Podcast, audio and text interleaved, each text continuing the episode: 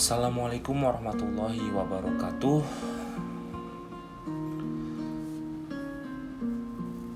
Keajaiban buat yang mendengar podcast saya. Percaya nggak kalau Anda atau kamu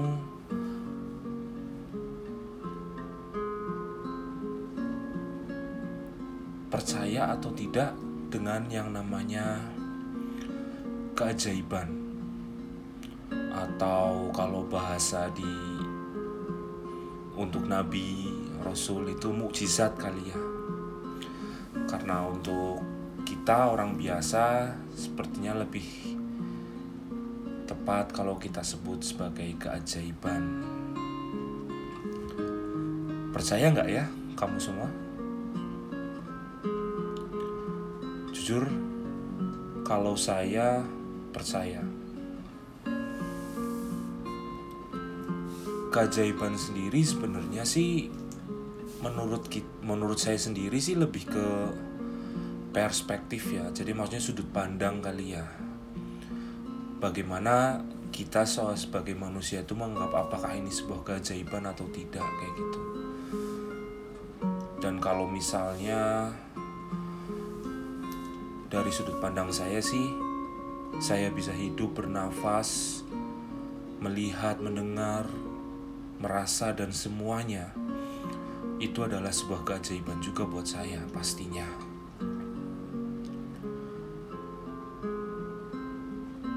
Keajaiban yang Tuhan kasih buat kita, keajaiban yang Allah limpahkan kepada kita semua yang harusnya sih wajib ya buat kita syukuri.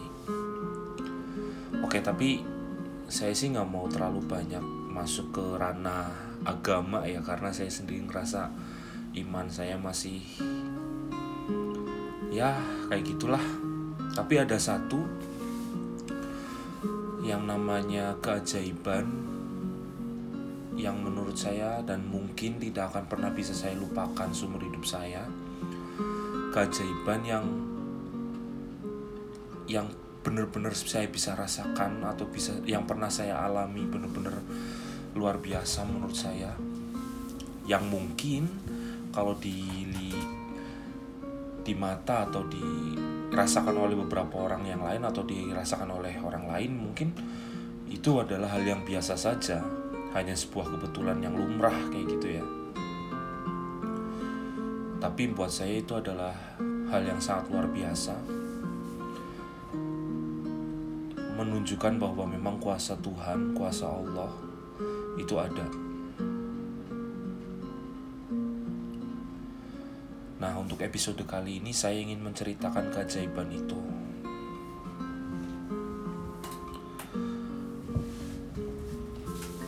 Kurang lebih tahun 2000 14 atau 15 saya agak lupa pokoknya sudah agak lama waktunya saya pernah merasakan atau pernah mengalami satu keajaiban di luar keajaiban di mana saya bisa melihat, merasa, mendengar dan sebagainya itu ya. Yaitu di mana keajaiban saya yang sama Tuhan itu dikasih luar biasa banget menurut saya. Ceritanya seperti ini.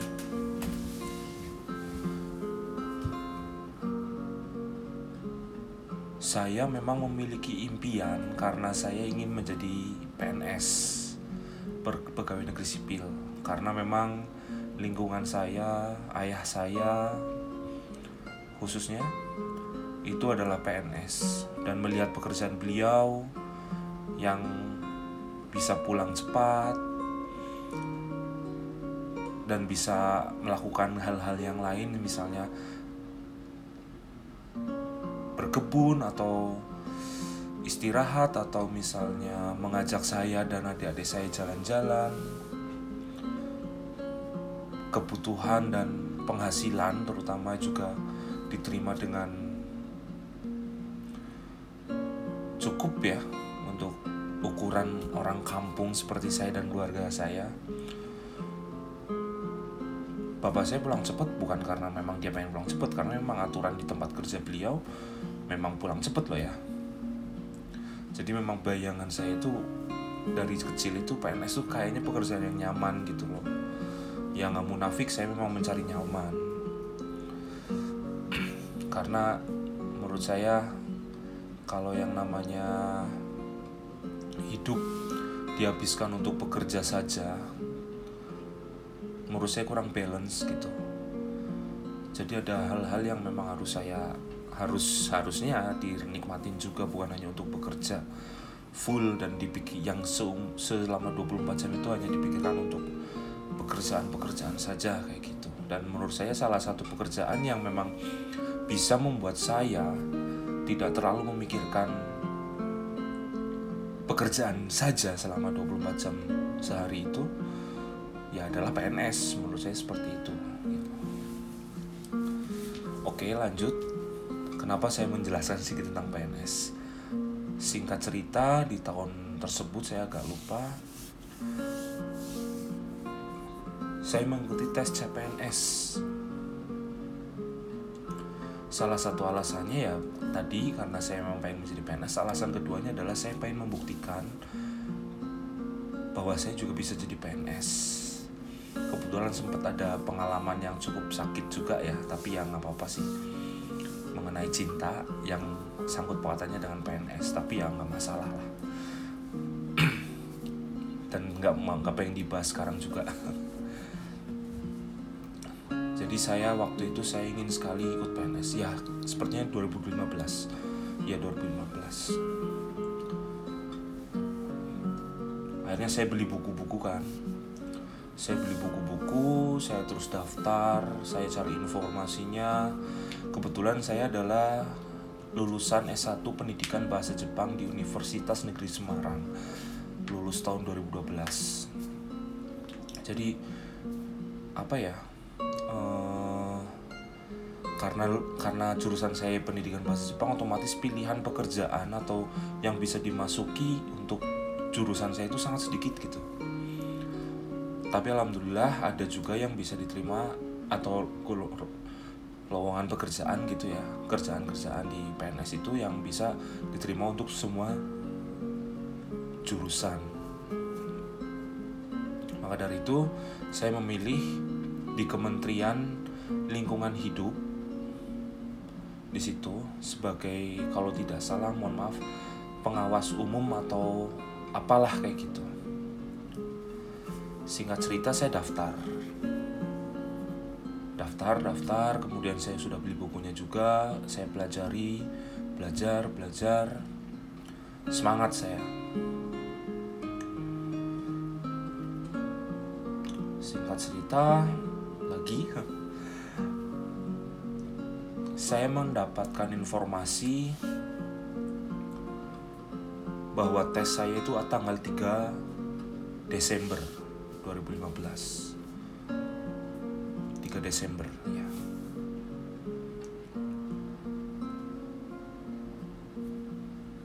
Saya percaya saja dengan informasi itu gitu ya pengumuman itu 3 Desember itu saya percaya saja. Di situ karena sudah tertera juga tempat tesnya di mana tanggalnya dan sebagainya kayak gitu. Lalu pada tanggal 29 Novembernya ibu saya mengabari saya bahwa beliau ingin ke Jakarta ketemu dengan adik dia yang kebetulan waktu itu baru jadi istrinya itu tante saya itu baru melahirkan dan innalillahi wa innalillahi rojiun si bayinya itu meninggal jadi ibu saya pengen datang istilahnya menjenguk dan takziah kepada om dan tante saya itu gitu. Tanggal 29 mungkin 28 29 28 dan 29 lah. Setelah tahu kabar itu ada inisiatif dari saya. Selama tiga tahun kerja dari tahun 2012 sampai 2015 tiga tahun dua tahun tiga tahunan lah ya saya kerja. Itu saya ngerasa belum pernah memberikan sesuatu kepada orang tua saya. Karena setiap saya ngasih uang dia selalu bilang ditabung buat kamu buat masa depan kamu. Orang tua saya seperti itu selalu seperti itu. Tidak pernah meminta atau mengambil uang yang saya kirimkan ke mereka setiap bulannya. Karena pikiran saya karena mungkin kalau dikasih uang mungkin mereka tidak akan menerima gitu belum akan menerima. Jadi saya berpikiran untuk membelikan mama saya tas. Itu hadiah pertama saya setelah saya kerja tiga tahun. Benar-benar orang yang anak yang durhaka sepertinya saya ini. Itu. Akhirnya saya ke mall untuk mungkin ya di tanggal-tanggal 28, 27, 28an itu saya ke mall cari tas ya ke toko gitu ke toko, ke toko tas cewek kayak gitu di mall. Mencari tas tas tas ketemu akhirnya saya beliin. Saya belikan saya kado tas tersebut kemudian saya taruh di tas saya sendiri gitu kan. Karena nanti kan mau saya kasihkan ke beliau secara langsung menggunakan tas eh dibawa dengan tas pastinya. Terus uh, akhirnya masuklah di tanggal 29 November. Pas oh iya sebelumnya tanggal 30 November itu adalah hari ulang tahun mamah saya. Jadi saya memang berniat juga memberikan hadiah untuk ulang tahun mamah saya masuklah tanggal 29 November. Saya kontak-kontakan dan mama saya kebetulan ternyata mama saya udah pindah bukan lagi di tempatnya om saya dan tante saya tapi beliau udah pindah di tempatnya adik dari nenek saya di daerah Ciledug. Oke terus saya berpikir Oke, berarti tanggal 30 November saya pengen ke Ciledug buat ketemu mama dan ngasih hadiah tersebut gitu ya. Berangkatlah saya. Karena seperti yang kita tahu, kalau orang Indonesia lebih nyaman menggunakan sendal mungkin ya daripada menggunakan sepatu, saya pun menggunakan sendal. Celana saya, celana apa namanya ya, pokoknya celana yang banyak sakunya lah seperti orang naik gunung gitu panjang. Kemudian saya menggunakan kemeja flanel kemeja yang orang biasa naik gunung yang tebel itu. Saya pakai. Kemudian saya naik motor pakai helm dan membawa tas saya yang isinya adalah tas untuk mama saya itu. Saya sudah tahu kalau saya sudah saya sudah tahu tempat tes saya yaitu di gedung PKN kalau tidak salah itu di daerah Cililitan menurut saya seperti itu gitu. Tanggal tesnya juga saya sudah tahu. Awal mau berangkat itu saya berpikir ah nggak perlu lah saya survei lokasi dan sebagainya karena juga di kartu sudah ketahuan gitu karena memang tidak ada rencana untuk survei saya akhirnya juga kartu ujian saya pun tidak saya bawa gitu kan. Alat tulis dan sebagainya juga saya nggak bawa. Keajaiban pertama datang. Di tengah jalan kena entah kenapa kok saya merasa feeling saya kok pengen aja ikut survei gitu ya. Pengen aja survei tes tempat tes saya kayak gitu. Akhirnya saya me berinisiatif sebelum ke Ciledug ke tempat mamah saya saya mampir ke, ke gedung PKN mau survei lokasi. Sampailah di gedung PKN kemudian saya tanya ke pas satpamnya maaf pak di sini buat tes CPNS yang Kementerian Lingkungan Hidup bukan ya? Saya tanya seperti itu ke beliau ke pak satpamnya setelah dijawab setelah ditanya pas satpamnya menjawab maaf mas di sini mah untuk tes CPNS Kementerian Keuangan. Buk- kalau Kementerian Lingkungan Hidup itu yang bukan yang di tapi yang di Ciracas. Kebetulan ke- keajaiban pertama terjadi kan menurut saya loh ya itu adalah sebuah keajaiban. Menurut kalian mungkin menurut kamu mungkin itu adalah kebetulan. Lebay memang saya. Alhamdulillah saat itu saya ber, di benak saya berkata Alhamdulillah, Alhamdulillah. Coba kalau saya nggak survei Saya bisa telat. Padahal tes CPNS ini saya pengen banget ikut. Saya udah mempersiapkan walaupun mungkin belum maksimal juga Akhirnya saya langsung buru-buru ke Ciracas Melewati daerah nostalgia saya dengan man, dengan kekasih saya dulu Ya, nggak masalah Sampailah saya di Ciracas. Iya, ternyata ada gedung PKN.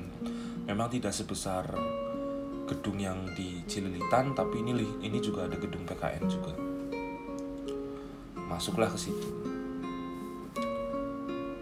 Feeling saya, ah yang penting udah ketemu inilah gedungnya. Jadi nggak mungkin salah. Tapi saya iseng lihat. Jadi di di luar di ruang tunggu itu ada televisi gitu ada televisi jadi di situ menandakan di televisinya itu menayangkan siapa aja yang tes apa aja hari itu dan siapa saja yang lulus passing grade atau tidaknya kayak gitu. Karena waktu itu tesnya sudah pakai komputer jadi hasilnya bisa langsung diketahui. Jadi akhirnya saya iseng tanya ke salah satu peserta di situ. Karena dari tampilan di layar itu kok saya mulai curiga gitu. Kok aneh ya? Sepertinya ini nomor-nomor tesnya walaupun saya agak lupa nomor tesnya berapa kok tapi urutannya sudah ada di hari ini padahal saya sendiri tesnya di tanggal 3 gitu. Kok jarak waktu antara nomor saya dengan nomor-nomor yang tertera di TV ini padahal selisihnya tidak sampai ratusan atau ribuan kok bisa jarak waktu antara saya dan yang tertampil di TV ini kok bisa tiga hari gitu? Lebih. Saya penasaran akhirnya saya tanya ke salah satu peserta yang lagi nunggu giliran untuk masuk tes. Saya tanya mas nomor berapa anggap saja ya saya lupa nomornya mohon maaf. 7022 mas. Dia jawab seperti itu. Loh. Saat itu saya masih ingat nomor saya. 7022 saya 7030 tapi kok saya bisa tanggal 3 dia kok bisa tanggal 30 gitu terus saya lihat di papan pengumuman. Dalam hari itu dalam tanggal 30 itu ada tiga kali tes. Maksudnya kloternya itu ada tiga kali. Dan terdiri per, per kloternya itu ada dua ruangan. Satu ruangannya bisa untuk 50 orang. Lah kok saya yang selisihnya hanya sekitar 7 saya 7 7030 maaf tadi saya lupa. 7030 dia 7022 kok. Selisihnya bisa sebanyak itu. Selisihnya kok bisa sampai tiga hari gitu. Padahal selisih nomor urut saya dan orang tersebut hanya 8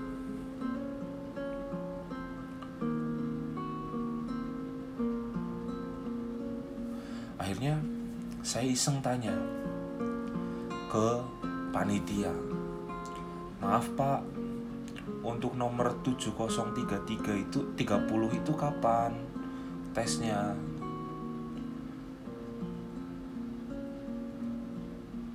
Seperti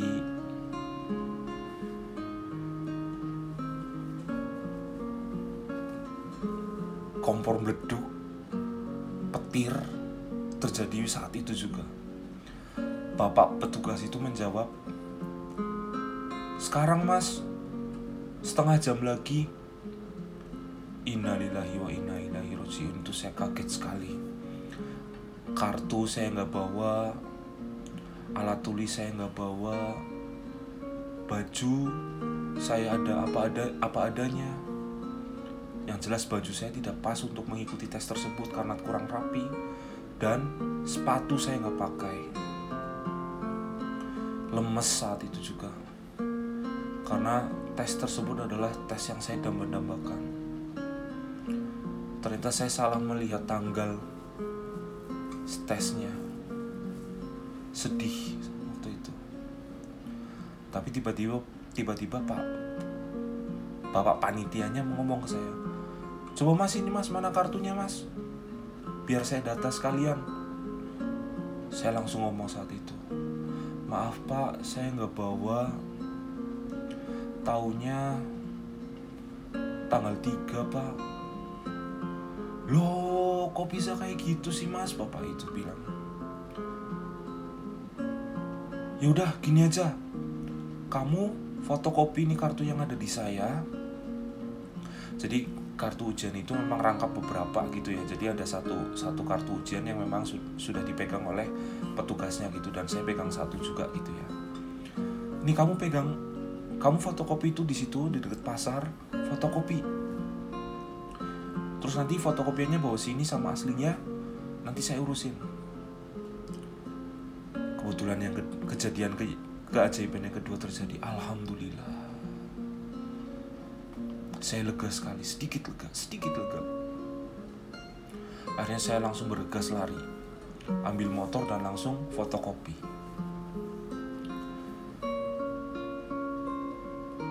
Ah, mohon maaf sedikit, sedikit, sedikit lupa. Mohon maaf sedikit, saya salah.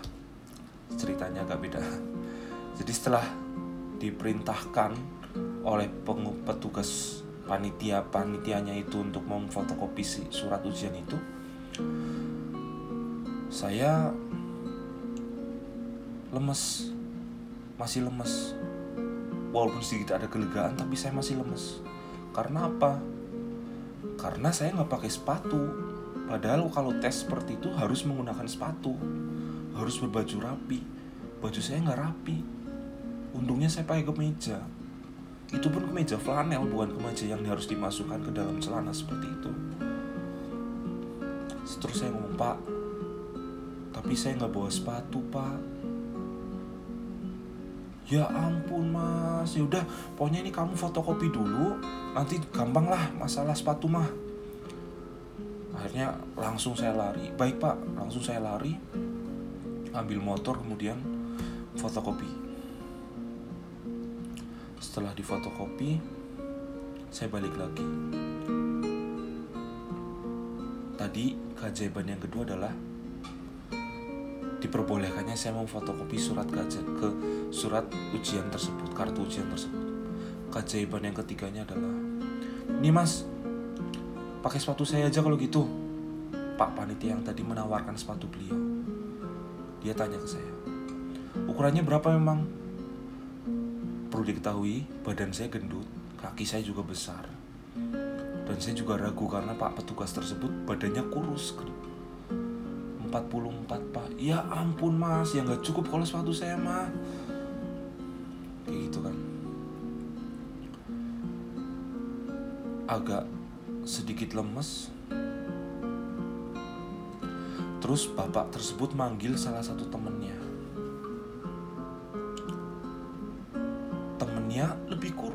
bapak tersebut, bapak petugas yang tadi. Tapi entah kenapa, ah, mohon maaf, sedikit salah sedikit lagi sedikit. Jadi pas waktu tadi mau fotokopi, pas mau fotokopi itu, saya udah ngomong kalau sepatu saya kurang kurang besar ya kan itu benar eh sepatu saya nggak saya nggak bawa sepatu terus pak petugas itu bukan langsung ngomong nyuruh fotokopi saya ding bukan. Tapi ya udah pakai sepatu saya aja ukurannya berapa? Kayak gitu kan. 44 pak. Wah nggak cukup. Kalau sepatu saya mah. Pak petugasnya sempat ngomong seperti itu ding iya ya terus sepatu petugasnya ngomong lagi ya udah yang penting masnya fotokopi dulu aja lah urusan sepatu nanti coba saya tanyakan ke teman-teman saya barangkali ada yang bawa atau barangkali ada yang cukup kayak gitu. Gitu yang benar yang benar kayak gitu ceritanya. Akhirnya saya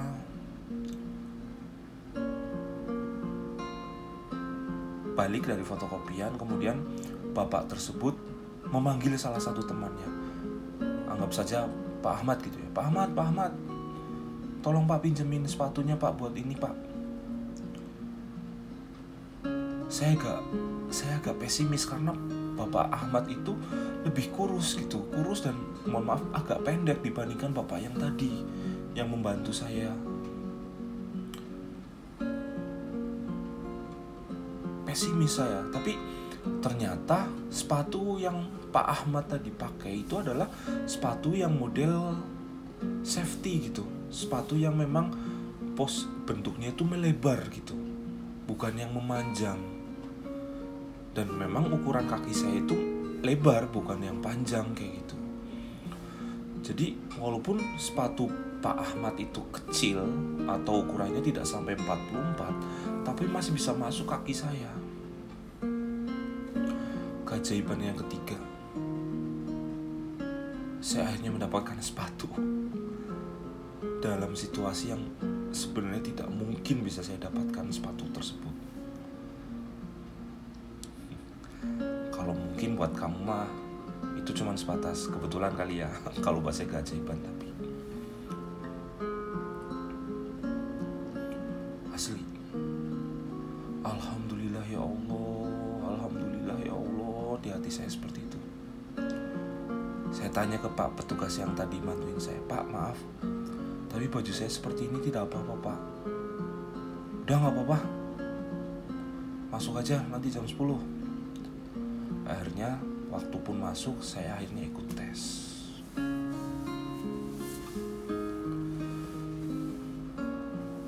Yang tadinya saya pikir tanggal 3 Ternyata tanggal 30 tepat pas waktu ibu saya ulang tahun Dan saya ingin memberikan hadiah ke beliau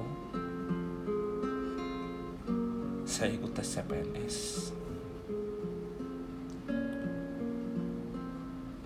Alhamdulillahirobbil alamin saya lulus. Lulus passing grade. Cuman ternyata nilai saya masih ada yang lebih tinggi dari orang lain orang lain masih lebih tinggi nilainya daripada saya. Walaupun saya lulus passing grade, tapi di atas saya masih banyak yang lebih tinggi nilainya. Sehingga lowongan tersebut tidak saya dapatkan. Tapi saat itu saya benar-benar bersyukur. Alhamdulillah, saya akhirnya bisa mengikuti tes yang tadinya kalau misalnya saya tidak berinisiatif untuk survei lokasi mungkin saya akan tidak tahu dan tanggal 3 baru datang dan tidak ikut tes sama sekali. Padahal saya sudah mempersiapkannya membeli bukunya belajar dan sebagainya.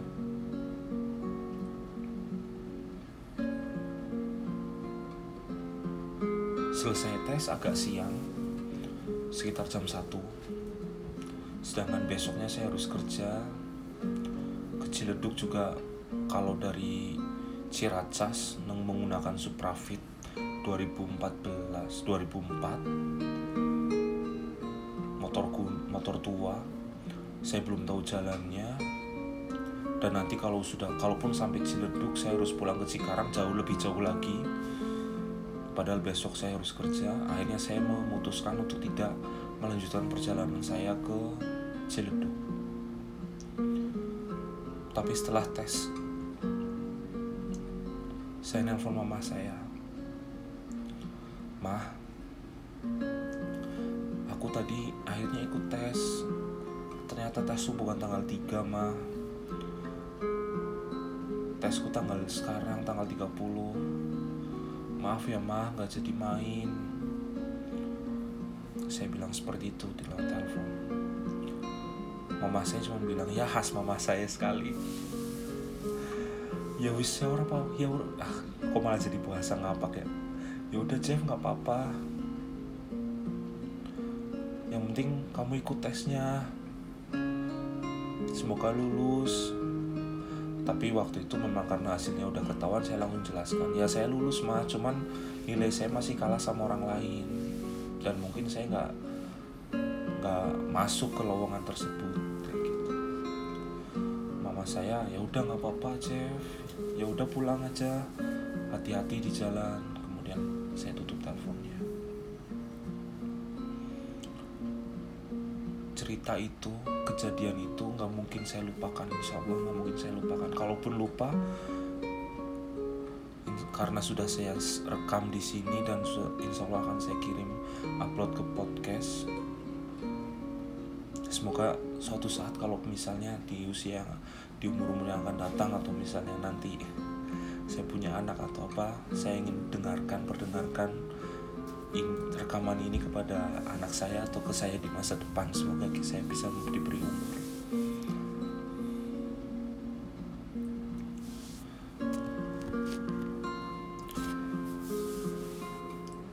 Sebuah keajaiban yang saya rasakan benar-benar saya rasakan tidak pernah atau anak yang tidak pernah mungkin tidak pernah membahagiakan orang tuanya selama tiga tahun tidak pernah membahagiakan walaupun sudah kerja mengirimi uang atau memberikan apa ke orang tua itu nggak pernah. Selama tiga tahun.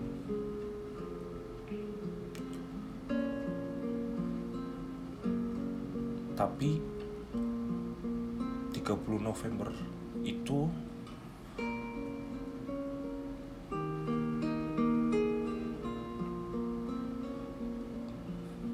bener-bener ternyata doa orang tua itu masih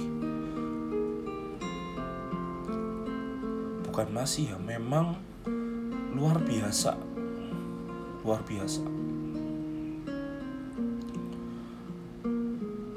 Bahkan setelah kejadian itu pun dan memang saya percaya juga dari dulu dan dibuktikan lagi karena ada kejadian itu saya bahkan merasa bahwa doa orang tua lebih hebat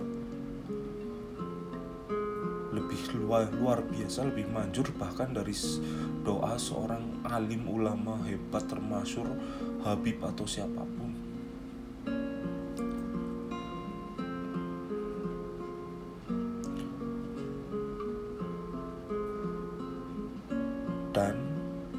saya juga bisa memegang perkataan saya karena saya pasti bukan orang bukan anak yang baik juga. Semoga saya bisa.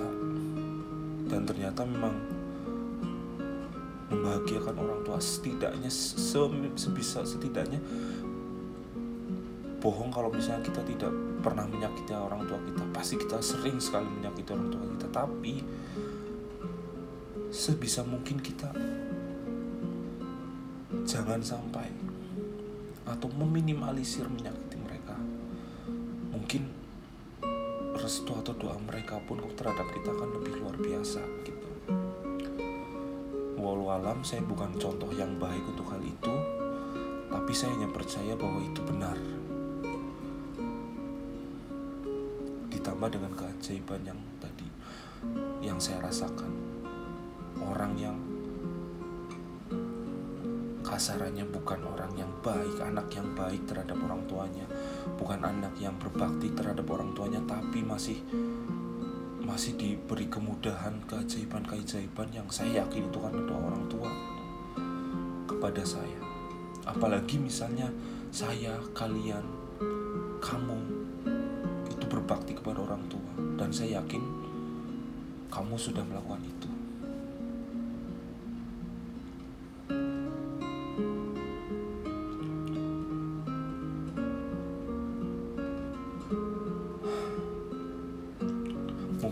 Salah satu keajaiban yang benar-benar sangat saya rasakan gitu ya. Atau mungkin kebetulan dalam tanda kutip yang sangat luar biasa buat saya. Dan tidak akan saya lupakan seumur hidup saya. Semoga cerita saya bisa dipahami atau dimengertiin oleh yang mendengar kalau ada. Dan bisa jadi bahan renungan kita bersama. Ingat saya bercerita ini bukan berarti saya yang lebih benar atau lebih baik. Tapi marilah kita daripada kita membahas hal-hal yang ya oke okay lah. Ya setidaknya ya dalam podcast ini saya bisa bercerita tentang pengalaman saya lah saya di sini bukan menggurui sebagai orang yang benar kepada orang yang salah tapi kita saya di sini sebagai manusia biasa yang banyak salah yang pengen sharing hal-hal yang ada di kepala saya. Mungkin cerita saya cukup sekian dulu. Semoga nanti ada cerita-cerita yang lain dari saya pribadi yang bisa saya share di podcast saya. Terima kasih. Wassalamualaikum warahmatullahi